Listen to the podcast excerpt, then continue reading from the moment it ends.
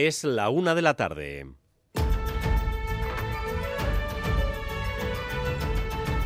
Crónica de Euskadi con Dani Álvarez. Arrachaldeón, primera conexión a esta hora con Castro Urdiales. Minuto de silencio en memoria de Silvia, la vizcaína de 48 años, asesinada esta pasada noche presuntamente por sus dos hijos menores de edad. Allí en la localidad cántabra está Eder Menchaca. Adelante, Eder. El silencio es sepulcral aquí frente al ayuntamiento en recuerdo de Silvia.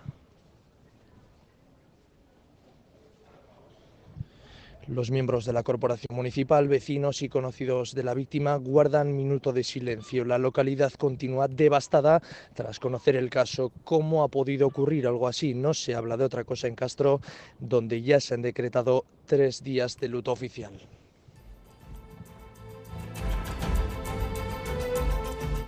Los menores tienen 15 y 13 años de edad. El de 15 está ya a disposición de la Fiscalía de Menores.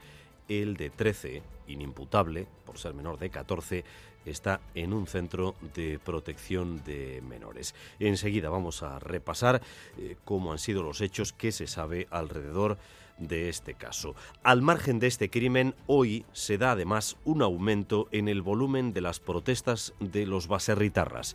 Dan la impresión de ir a por todas y a por casi todos. Primero Europa, luego el gobierno de Sánchez. Hoy le han montado un escrache a la presidenta Chivite en su casa, al que han asistido sus hijos pequeños como testigos, y durante toda la mañana guerra ante el Parlamento Vasco. Sonia Hernando. Y ya van tres días. Más de un centenar de agricultores y ganaderos han permanecido más de tres horas concentrados frente al Parlamento Vasco, hoy visibilizando su oposición a la ley que desde su punto de vista da vía libre a la instalación de grandes parques solares en terrenos cultivables. John Moraza, Sindicato Huaga. ¿Que hay que colocar placas solares? Vale, de acuerdo, lo sabemos. Pero vamos a colocar las placas donde hay que colocarlas, en tierra baldía, en en suelo improductivo. El sector ha aprovechado una convocatoria de la plataforma Euskal Herria Bizirik, pero la ha rebasado y mañana habrá nueva protesta en Vitoria. Hasta la Diputación, varios agricultores pedían a su sindicato volver a sacar los tractores a la calle. La protesta de esta mañana ha coincidido con la aprobación de la Ley de Cambio Climático, una ley con un consenso de más del 80% que los promotores, los tres principales partidos del Parlamento, defienden porque no hay otro camino, ahí no hay iglesia. Aprobada así por los partidos que forman el gobierno más EH Bildu, que se atribuye el mérito de que sea una buena ley. Así Euskadi cuenta ya con la primera norma que contempla medidas para hacer frente al cambio climático y para avanzar hacia la descarbonización, la apuesta por las energías renovables y las cero emisiones de CO2 para 2050, todo un reto que es necesario abordar. La consejera Aranza Tapia hablaba de día para la celebración y definía la ley como ambiciosa pero realista que no deja atrás a la industria la escuchamos. Se recoge el reto de aprovechar las oportunidades del proceso de transición para impulsar la competitividad a través de la transformación de la industria vasca, basada en un desarrollo tecnológico e industrial y en la descarbonización. Una respuesta contundente para impulsar una transición energética realmente transformadora, capaz de responder a la amenaza del cambio climático que requerirá acciones eficaces e inversiones muy relevantes. El gobierno de Navarra tiende la mano al diálogo, pero los agricultores hoy vuelven a intentar colapsar Pamplona con una, una tractorada desde diversos puntos de la comunidad. Por la mañana, episodio desagradable para la presidenta y sus hijos. Se le han presentado unos cuantos tractores delante de casa cuando se dirigían a la escuela Arangoa. Para las 8 de la mañana, 30 tractores estaban esperando a que la presidenta Chivite saliera de su casa en la urbanización Gorraiz. Allí esperaba el coche oficial. La presidenta ha salido de casa con sus dos hijos menores de 12 y 8 años para llevarles a la escuela. Los tractores sin bocinas y de manera pacífica no se han movido hasta que la presidenta se ha marchado primero a dejar a sus hijos y después al Parlamento, donde es día de pleno. El Gobierno ha condenado esta protesta porque dice han interferido en la esfera personal de la presidenta.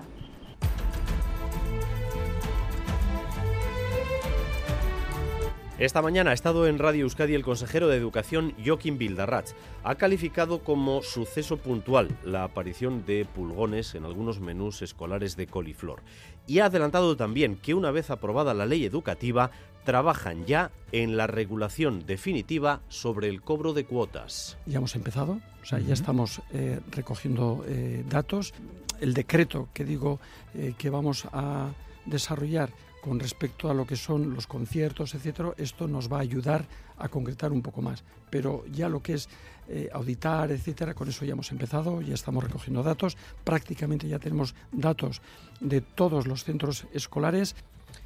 En círculos cicloturistas estos días se comenta el aparente aumento de controles hacia los ciclistas para que cumplan las normas como el resto de vehículos, aunque la Archancha matiza que los controles no han aumentado a Negoñi. Malestar entre el colectivo ciclista de Guipúzcoa por los controles que la Ertzaintza está llevando a cabo y que se han saldado con multas de hasta 200 euros. Algunos de los controles se han realizado en la rotonda de Recalde, cercana a la N634 de gran tránsito de cicloturistas. Circular por el interior de la rotonda o hacerlo en paralelo en carreteras con poca visibilidad son algunas de las infracciones por las que se han presentado denuncias. Los ciclistas denuncian que siempre se pone el foco en ellos frente a los coches u otros vehículos a motor y piden trabajar en la sensibilización de todo aquel que circule por carretera. La Erzanza niega que se hayan incrementado los controles a este colectivo. En los últimos cuatro años, aseguran, se ha mantenido el mismo número de operativos y en este tiempo se han interpuesto 500 denuncias contra cicloturistas. Y otro escenario hoy, escenario de fiesta en Tolosa, jueves gordo de carnaval. ¿Cuáles son los disfraces estrella este año? Laida Basurto, Racha León. A León, pues todavía no lo podemos desvelar porque aquí, Dani, hasta el domingo nadie se disfraza, lo que toca es ponerse la chilaba y es lo que han hecho ¿eh? los tolosares que ahora mismo, como escuchas, están saltando a ritmo de charanga hasta el miércoles. Todo el que quiera disfrutar, con respeto, por supuesto, de la improvisación y del buen humor, está invitado a acercarse hasta Tolosa. Sonido de charanga en directo desde Tolosa. El Guggenheim presenta su primera gran exposición del año dedicada a Giovanni Anselmo mediante el arte povera. La exposición, llamada Más allá del horizonte, constituye un análisis de la práctica artística del artista italiano recientemente fallecido a través de 40 obras. Habla Juan Ignacio Vidarte, director del museo a un artista referente dentro de la segunda mitad del siglo XX, un artista que además, aparte de ser un artista referente del arte povera, ha aportado al arte ese concepto que para este museo es tan cercano, como el concepto de la importancia de la experiencia frente a la mera contemplación. La obra de Giovanni Anselmo es un precedente y es un precursor. Empiezan además tres semanas de intriga, nervios y emociones para los aficionados de Real y Atlético. Es lo que falta para la vuelta de las semifinales de Copa que pinta bien para ambos, especialmente para el Athletic, que ayer asaltó el Vicente Calderón en una victoria de enorme mérito. César Pérez Gazola, Zarrachaldeón. Gracias. Pues sí, después del marcador de anoche en Madrid eh, del Athletic, una final de Copa Vasca y con público, la Cartuja en Sevilla parece más cercana el próximo 6 de abril. Un gol de penalti de Berenguer en el primer tiempo da ventaja al equipo de Chingurri y Valverde. Los bilbaínos subieron sufrir en la segunda parte y asaltaban, como decías, el Metropolitano. Derrotan Atlético 0-1, un equipo que llevaba 13 meses sin perder en su estadio. Llegan por delante los Leones a la cita de vuelta de Samamés del próximo día 29 y el equipo femenino del Athletic ya está en semifinales de Copa. Eliminaban las rojiblancas en los penaltis al Tenerife ayer en Lezama. Hoy el turno es para la Real Sociedad, para el equipo de Natera Arroyo. El conjunto Churdín juega en Valencia ante el conjunto Levante buscando plaza también en semifinales. Y en baloncesto, hoy esta tarde juega Basconia, partido Euroliga en el Buesa en Gasteiz ante las Bel francés. El colista de la competición comienza el encuentro a partir de las ocho y media de la tarde. Sí, aquí cambiamos nombres, nos cambiamos los nombres todos. En el tráfico, precaución en la A124 en La Guardia, porque allí dos coches han sufrido un accidente. No hay heridos, pero los coches ocupan un carril en sentido Logroño. A124, La Guardia, sentido Logroño al margen de los problemas que pueda haber, por ejemplo, también en Navarra y en otros puntos debido a las eh, tractoradas. En cuanto al tiempo, seguimos en aviso amarillo por viento, rachas fuertes de viento sur que seguirán superando los 100 kilómetros por hora, cielo cielos nubosos y probabilidad de algunos chubascos por la tarde-noche.